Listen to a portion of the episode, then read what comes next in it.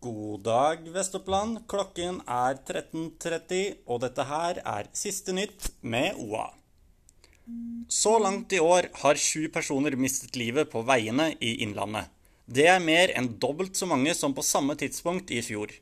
På landsbasis har 39 personer blitt drept i trafikken i løpet av de fem første månedene, mot 33 i samme periode i fjor. I sommer vil UP prioritere flere veier i Innlandet, og du kan lese hele lista på oa.no. I et nyoppusset lokale midt i Gjøvik sentrum er Hanne Sveen Larsen gått i gang med et unikt konsept for kreative sjeler i alle aldre. Hun er eneste ansatt og eier av Kunstfabrikken.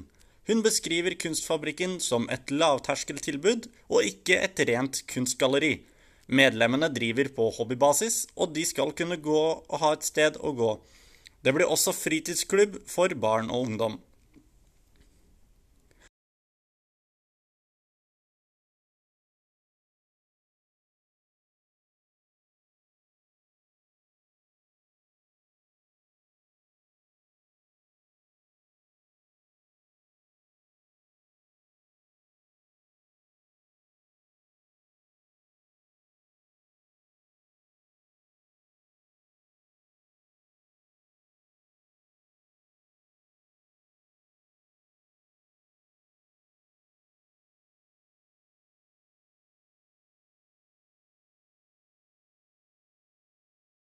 Siste nytt med OA.